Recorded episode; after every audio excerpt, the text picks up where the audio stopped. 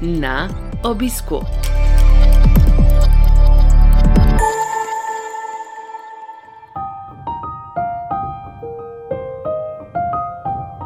Dobrodošli v novi epizodi serije podkastov na obisku, ki nastaja v produkciji Slovenskega združenja bolnikov z limfomom in leukemijo.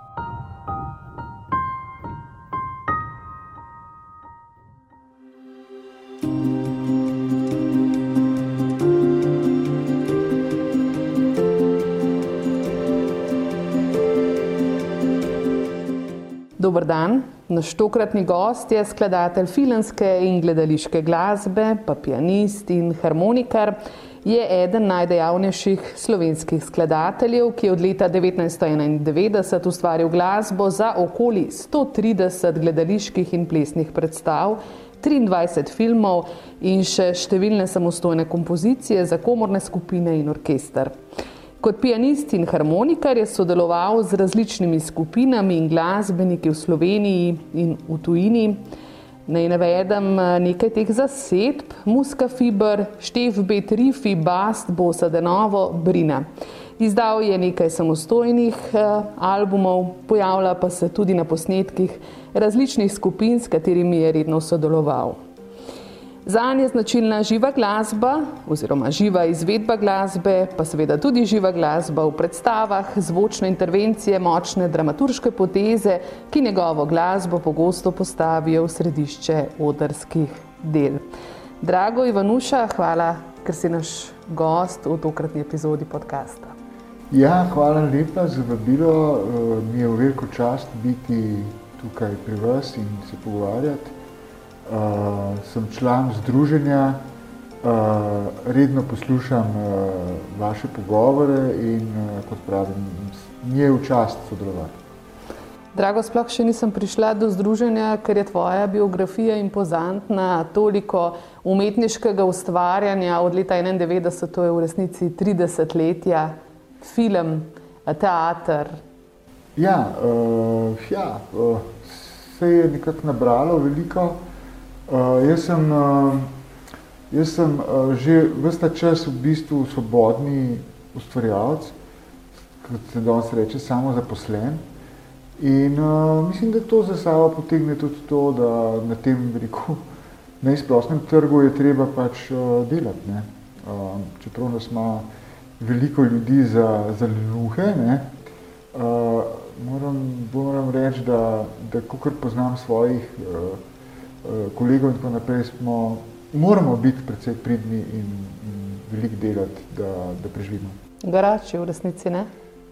Ja, zato ker pač, če si v taki uh, poziciji, nimaš plače in si odvisen od tega, kaj, uh, kar počneš, oziroma uh, s temi projekti pač uh, se preživljaš. Ne? Tako da uh, najbrž bi delal manj, če bi uh, bilo to možno, ampak včasih sem pač, sploh ko sem bil mlajši, sem uh, rekel, kar dost stvari vzel, uh, če tudi mi niso bile čist na kožo pisane, delal sem tudi glasbo za reklame, recimo eno obdobje in tako naprej. Uh, vse v tem, bi rekel, duhu preživetja. Zanimivo. Ne vem, če se zavedaš, mnogi tako zavidamo uh, temu ume, življenju umetnikov, kot si ga seveda predstavljamo sami, ne gotovo ni to neka realna slika, ampak bi si zelo želeli znati igrati en inštrument, kaj šele štiri, pet, skladati glasbo.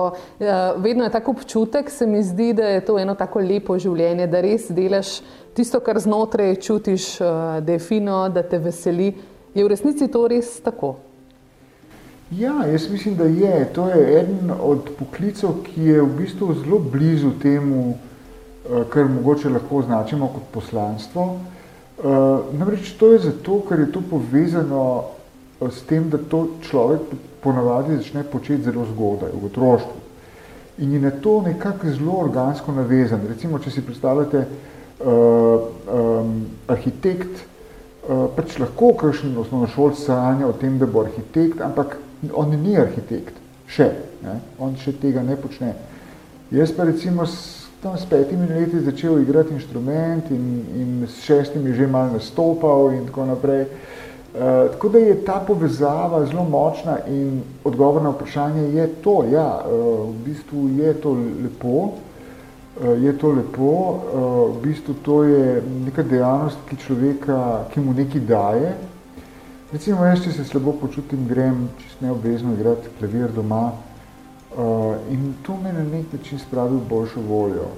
Uh, nekaj bi rekel, da se mi nekako začne malo več serotonina izločati. izločati um, se pravi, ja, je, je, je lepota v tem, seveda, kot sem pa že prej omenil, je pa tudi seveda to neka pozicija, ki um, zahteva ne, angažiranost uh, in nenehno izpopolnjevanje, nenehno, nenehno učenje, seveda tudi, če hočeš igrati inštrument, moraš vsak dan vaditi, ne glede na to, da že recimo 30-40 let igraš, Eh, ta, ta dnevna kondicija pred koncerti in tako naprej je, je nujna. Ne.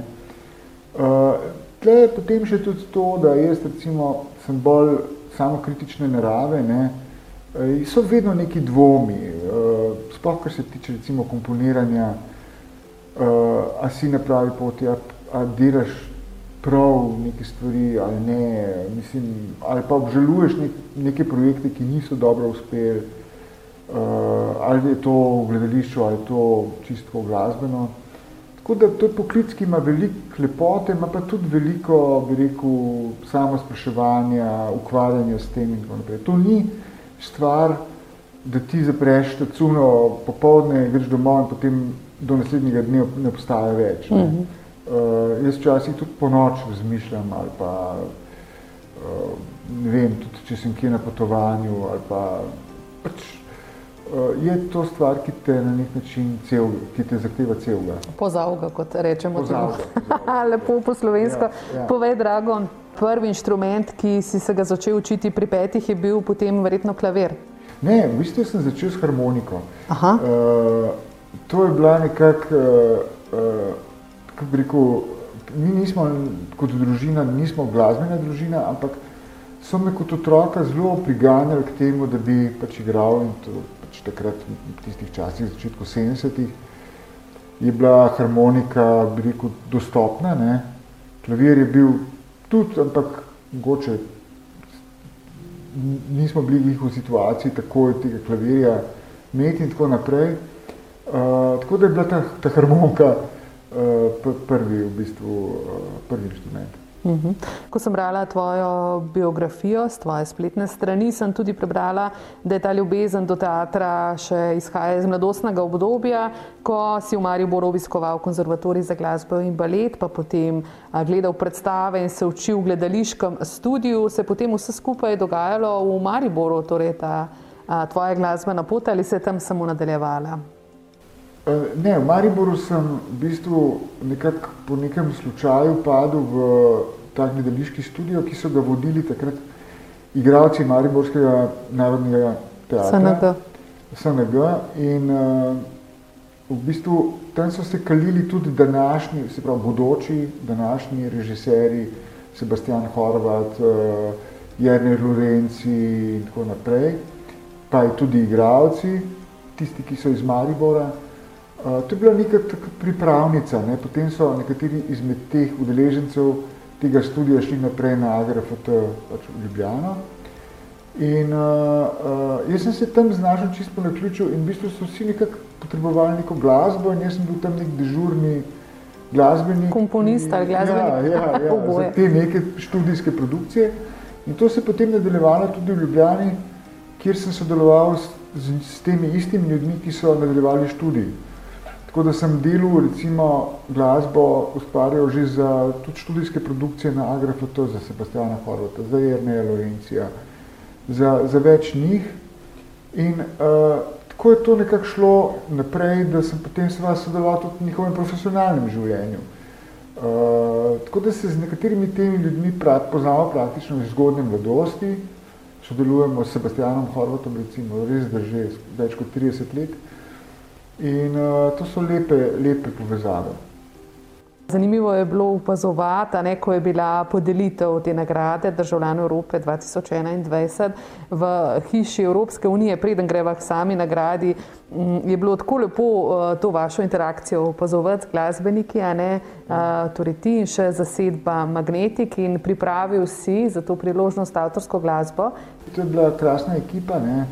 Um, samih, v bistvu, kako bi rekel, kombinacija modrosti, izkušenj in mladosti. Ne. Uh, mlajši kolegici sta izjemno, izjemno talentirani. In uh, ja, to je še eno od elementov ustvarjanja ali pa muziciranja je komunikacija. Ne.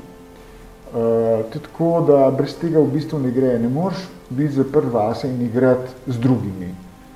Um, pač, uh, brez te komunikacije ni glasbe. Na nek način so samo note, prazne note. Mm -hmm.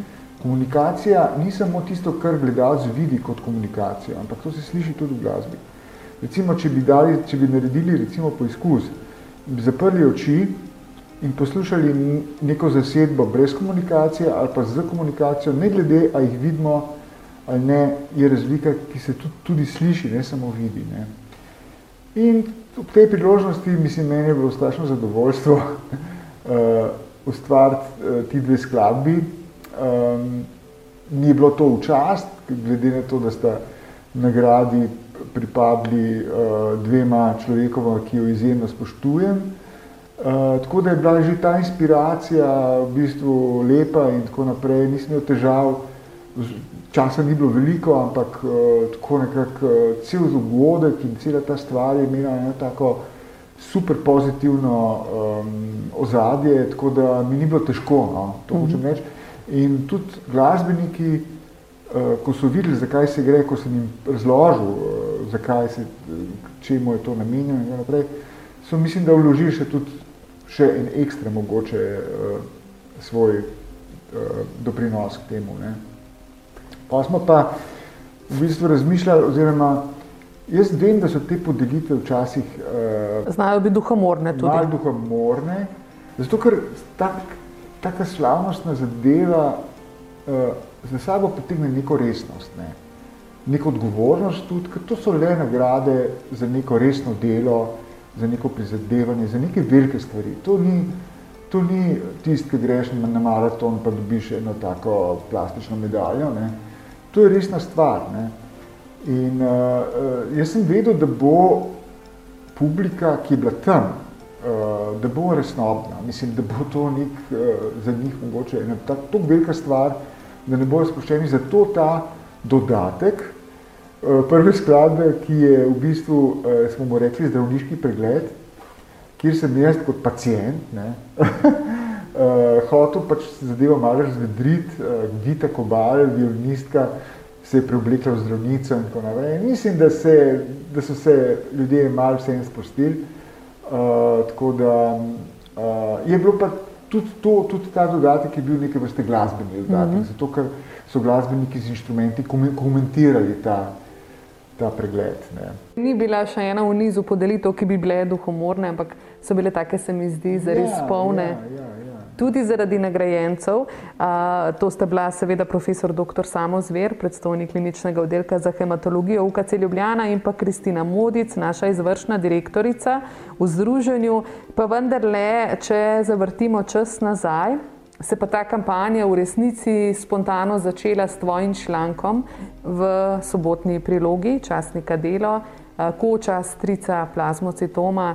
Ta članek se delil na uh, družbenih omrežjih, dotaknil se vsakogar, ki je bral. In formalno je seveda šla nagrada v njune roke, uh, si pa pobudnik te kampanje in tisti, ki si jo spontano potisnil v, v življenje. Ne, mislim, da, da je bilo to zelo, zelo bi rekel, uh, tako deljeno. No? deljeno predvsem z, z dr. Zverom, ker eh, jaz sem kot njegov pacijent doskrat o tem z njim govoril. Uh, on je v tej, bi rekel, svoji ne, neverjetni angažiranosti iskal vse možne načine, kako bi spodbudili uh, državo, ministrstvo in tako naprej, da bi ta stvar šla naprej, da bi se zadeva realizirala. In po nekaj pogovorih, mislim, tle treba res povedati, da je on neke vrste res inicijator. Jaz sem posledično razmišljal, kaj lahko jaz pomagam, naredim. Ne. Uh, in uh, vse, kar znam, je to, pač, da znam igrati nek inštrument, neko musko delati uh, in da znam tudi kdaj kaj napisati. Uh, govorim v smislu napisati uh, pisano tekst, besedo. Ne, pisano mhm. besedo.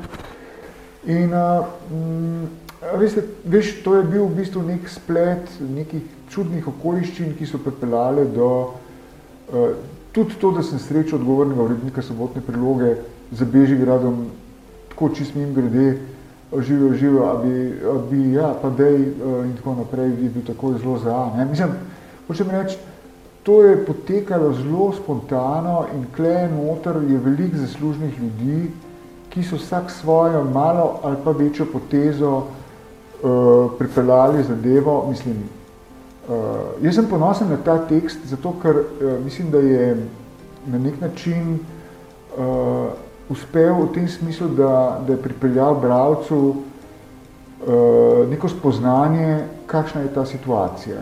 Ne? Uh -huh. uh, to, ta, ta, ta, to spoznanje izven vseh teh in političnih delitev in vsega, tukaj gre za en zelo konkreten problem, ki ga imamo, ali smo ga imeli, ki se zdaj rešuje. Ne.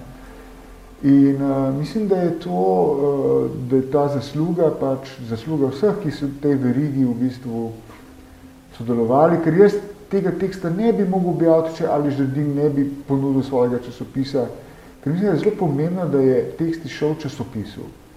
Ker če bi to bil samo internetni, facebookovski tekst, um, vse en časopis ima neko veljavo, neko težo, mislim, tekstu da neko dodatno težo in kredibilnost.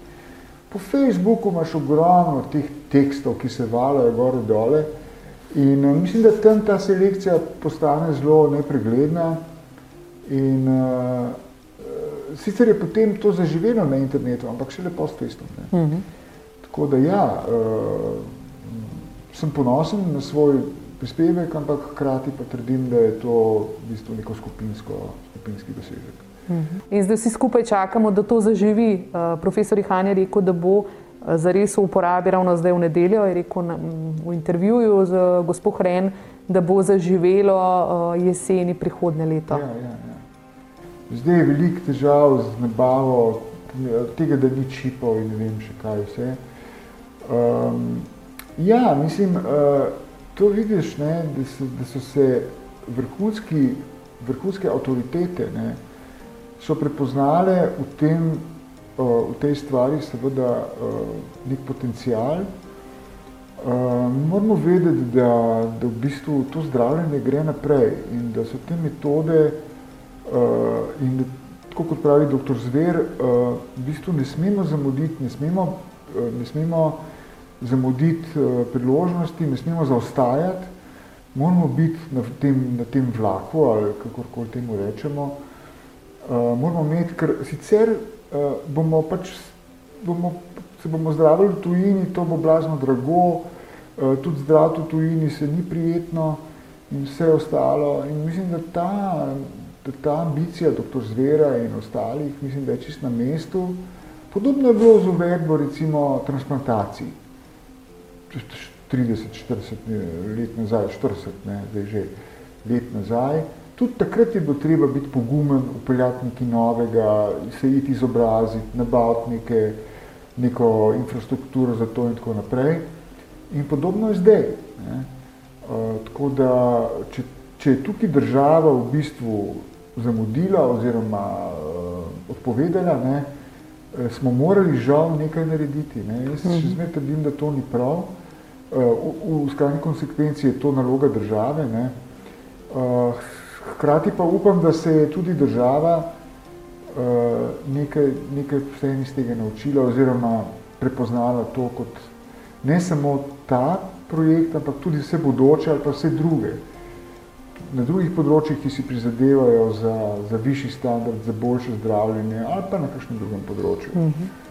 Se spomnim takrat eh, celo to dvomesečno obdobje ali trimesečno, ko se je toliko dogajalo, ne, ta kampanja je živela in rasla in še zaključiti se je ni dalo, ker je toliko bilo a, eh, dobre volje in prispevkov strani a, eh, različnih javnosti. Ti si vse skupaj a, še da rečem, nadgradil za serijo donacijskih uh, koncertov, a se temu tako reče, ne vem, klavirskih, a ne, ko sem cel teden sedel koncertov, mislim, da je bilo igral za ta dober namen, ne, za, kot ozaveščanje v celični terapiji karti. Ja, mislim, meni se je zdelo dvoje, dvoje stvari. Ne. Ena stvar je ta, da bi s tem igranjem, ker to je edino, kar v resnici znamo. Uh, ta ena mehna malinkost ali kako? Kakšna ja, skromnost. Ne, ne, ampak res, res mislim, no, mislim, to se mi je zdelo, da, da na ta način lahko še nekaj prispevam. Ampak dvoje stvari. Ne. Ena stvar je bila ta, da bi še koga pritegnil k temu, da bi doniral ali pa da bi, da bi vse opazil, da, da se nekaj dogaja. Drugo je pa neko neka zahvala tistim, ki so že bili udeleženi in so mhm. pač imeli nek zaston koncert na, In mislim, da poslušanost je bila kar dobra. Ne? Vsak večer je bilo par sto ljudi, ki so ali poslušali direktno, ali mogoče v zamiku, kakorkoli. Tako da uh, tudi to je na nek način uspelo. Um, in, uh, ja. Vse skupaj je torej mozaika ne? takih različnih uh, ja, prispevkov. Kako je z plazmocitomom danes tvojim? Ja, ja. imam dobrega zdravnika ne, in zaenkrat imamo neko javno zdravstvo, ki nam omogoča, da se zdravimo po najboljših uh, metodah in z najboljšimi zdravili, najdražjimi in tako naprej. Tako da uh, zaenkrat sem v redu, uh, lani sem imel izjemno veliko težav od uh, obsevanj, ker se mi je pač zadeva spet kako razbohotla. Ne. Eh, lezije so se pojavili na lobani in uh, v bistvu obsevanje je bilo kar naporno, uh, hkrati sem imel še tretjo transplantacijo kostnega mozga aprila meseca, tako da je bilo res naporno, ampak za nagrado sem pa zdaj v redu. Tako da, um, kaj ne rečem, ne? upam, da bo trajalo in da ujamem še ta karte. Odlično. E, praviš, eh, to naše zdravstvo, kolikor smo že polni eh, razno raznih kritik včasih, ne, nam da zelo, zelo veliko. Pustimo zdaj, če pustimo ob strani ne, to situacijo grozljivo, ki se nam danes dogaja zaradi COVID-a, pa vendarle, kot praviš, najboljše terapije, dobri strokovnjaki je tisto, kar zaznamuje denimo onkološko oskrbo v Sloveniji, ne glede na vse, ja, doslej. Ja. Ker to je tradicija. Mislim, jaz gledam, kako profesor Zver funkcionira tudi kot predstojnik. Ne? In moram reči, da sicer nihče ne gre rad v bolnico, ne? ampak zdaj nekajkrat sem pa tam sem bil na oddelku, se pravim, pri transplantacije, pa tudi sicer sem bil nekakrat zaradi drugih stvari. Uh, moram reči, da, tja, da se tam počutim varno. Zato, ker oni imajo strašen red, hkrati ima izjem, mislim, meni se vse zdi, no, da ima dobre odnose uh, medsebojne in uh, mislim, že to, da oni niso imeli niti ene okužbe uh, COVID-a na oddelku je noro. Ja. Mislim, če pomisliš, da, da to dos res ni težko prenesti not. Ne. Uh, zato, ker profesor Zver ustraja, da vsak, ki pride not, mora imeti svež PCR test. Kar je prav. Zato, ker na oddelku se zdravijo bolniki z popolnoma sesutim imunskim sistemom in ta bolnik take okužbe po moje ali pa po njegovo uh, ne preživi.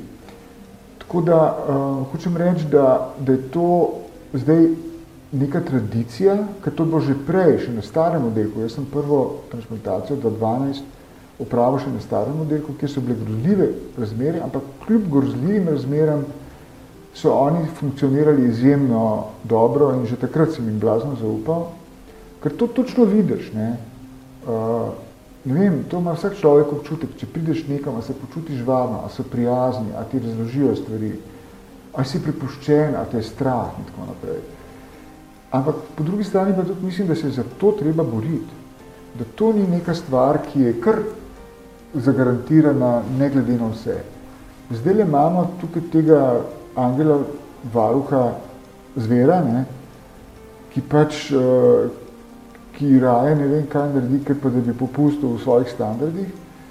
Uh, in tako naj bi tudi ostalo, ampak tudi on se bori, po moje, tako opažam, uh, za te standarde in, in, in pogosto benti zaradi tega in umga in tako naprej.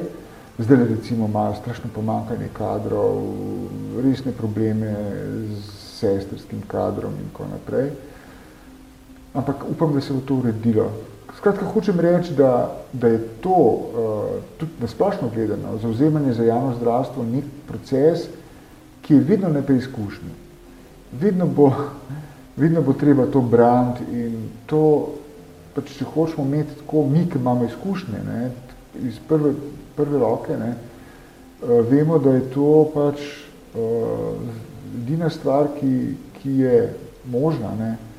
Sicer pa ne vem, mislim, tako v Ameriki pač, če imaš denar, se zdraviš, če ne, pa, pa, pa greš, odijo. Drago, zdaj vsak dan poslušamo, kako obremenjen je zdravstveni sistem, da ne samo, da bo težko poskrbeti za vse COVID-ne bolnike, a ne, ko je vsak dan več teh okužb in teh nesreč zaradi COVID-a, da so ogroženi tudi drugi bolniki, ki se jim že ukinja zdravstvena obravnava. Celo se omenja za onkološko skrbo, kar se nam doslej nikoli ni zgodilo, vedno je onkologija tekla nemoteno. Koliko te to skrbi? Oh, mislim, to seveda vsakega lahko skrbi. Um, jaz sem razočaran v bistvu moram reči, kar precej nad uh, to splošno, bi rekel, to odsotnost empatije oziroma to neko, tem nekim čudnim odnosom, vse si ga tudi po svoje lahko razlagam, ne. Uh, zakaj je tako slab odziv na cepljenje in tako naprej. Mislim, to se tudi nenehno pogovarjamo in vsak ima neko svojo teorijo in tako naprej. Dejstvo je, da da je odziv na to, kar se zdaj dogaja, izjemno slab. In slab je in strani politike, slab je strani pač tudi populacije, če hočemo. No. Mislim, da, je, da, je, da, se družbi, da so se v družbi zgodile že ne zdaj, samo zdaj zadnji čas, ampak eno daljše obdobje določene spremembe, ki so ljudi žal spremenile v, bi rekel, bolj sebične, eh, bolj ljudi, ki gledajo bolj privatne interese uh, in ta družba, ta, mm, v bistvu, to skup, to, kar je skupno, ne, je na nek način postalo drugotnega pomena, kar se pa v takih situacijah seveda izkaže za slabo. In jaz se samo sprašujem, uh, kaj se bo še zgodilo in kakšen bo, kako, bo, kako bodo države in kako bo družba funkcionirala ko bodo prišle resne posledice podnebnih sprememb. Uh, ker ta neoliberalizem, ki ga pač mi živimo, tukaj hočeš, nočeš, ne, uh, priznamo, priznati uh, ali ne priznati, je v bistvu učinkuje na ljudi na ta način, da preprosto smo kot na enem bojnem polju, mislim, vsak se bori za neke svoje lastne interese in tako naprej. Uh, vsake, vsako mu je usiljeno, da je neke vrste gospodarski subjekt in ljudje so, kako bi rekel, zgubili en del človečnosti. Ne? In uh, to je noro, pri vseh teh komunikacijah, pri vseh informacijah je težko ljudem razložiti, da zdaj nekateri na COVID oddelkih umirajo in da nam umre po 20 ljudi na dan. Hm. Mislim, to ni normalno. Uh, tako da uh, ne vem, kaj ne rečem. Tako jaz pa tudi ne, eh, kakšno pod vprašanje na to temo bi ja, pravzaprav ja, sploh postavila, ker je situacija eh, nerazumljiva, ne? ta, ta razplet uh, je precej nerazumljiv, sploh če mislimo, kako je ta skupnostni duh bil močan, recimo v prvem valu, ko smo se držali, ko so uh, čestitali zdravstveni delavcem in tako naprej. No? Danes te možnosti imamo, lahko se cepimo, pa kljub temu se skoraj polovica uh, populacije za to ne odloči. Jaz upam, da se vendarle ljudje bodo cepili in naredili zase in druge, kar je mogoče proti temu COVID-u. Mm, drago, a je v tej situaciji, ko praviš, da je človečnost na preizkušnji, da je vsak posameznik bolj kot ne nek samostojen gospodarski subjekt, tako v prenesenem pomenu, je to združevanje bolnikov za isti cilj, ne v združanja, pa ne mislim samo naše, ampak tudi seveda druga, a, še bolj potrebno kot kadarkoli doslej.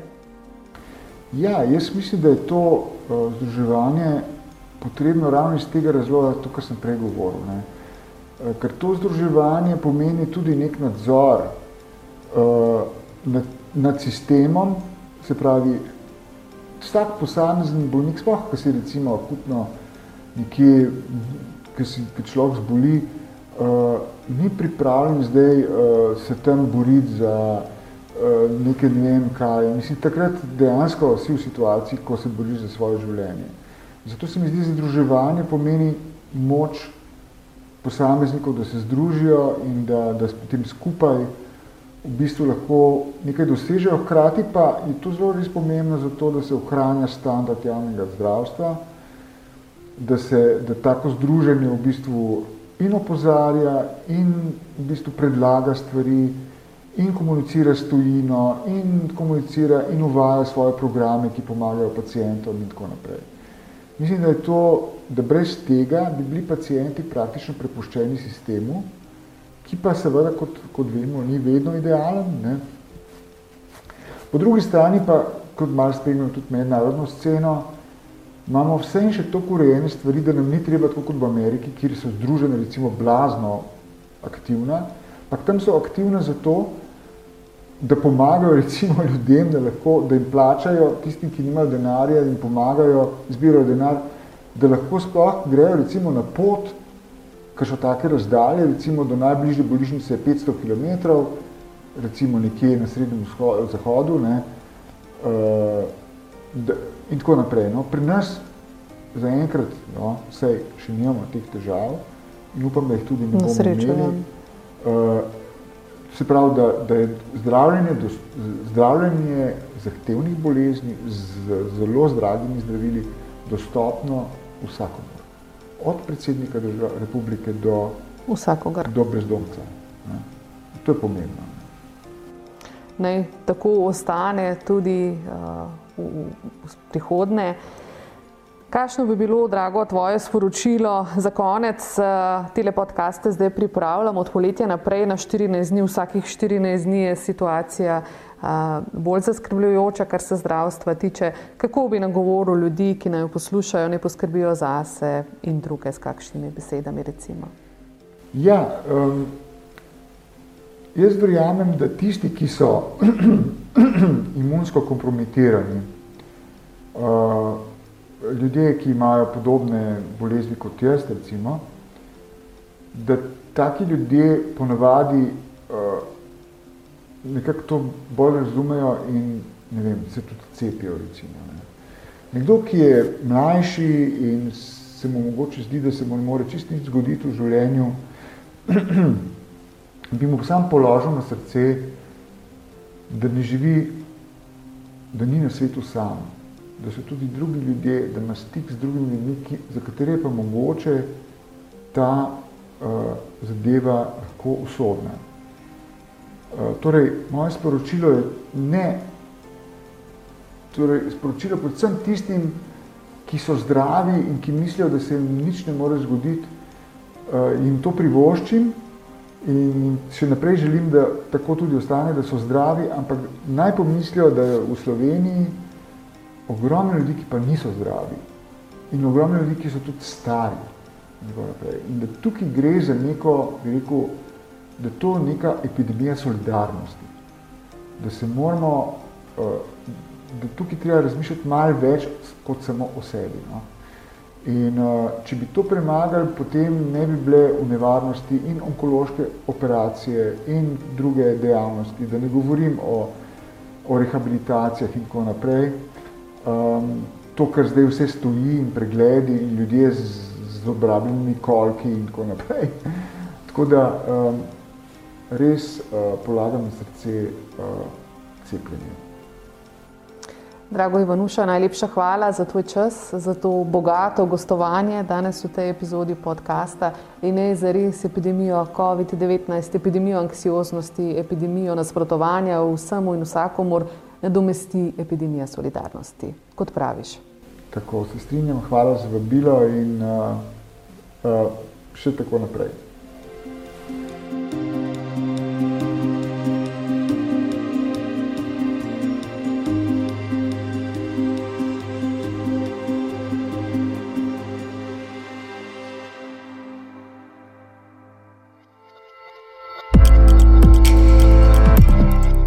Našo družbo vabljeni spet čez 14 dni.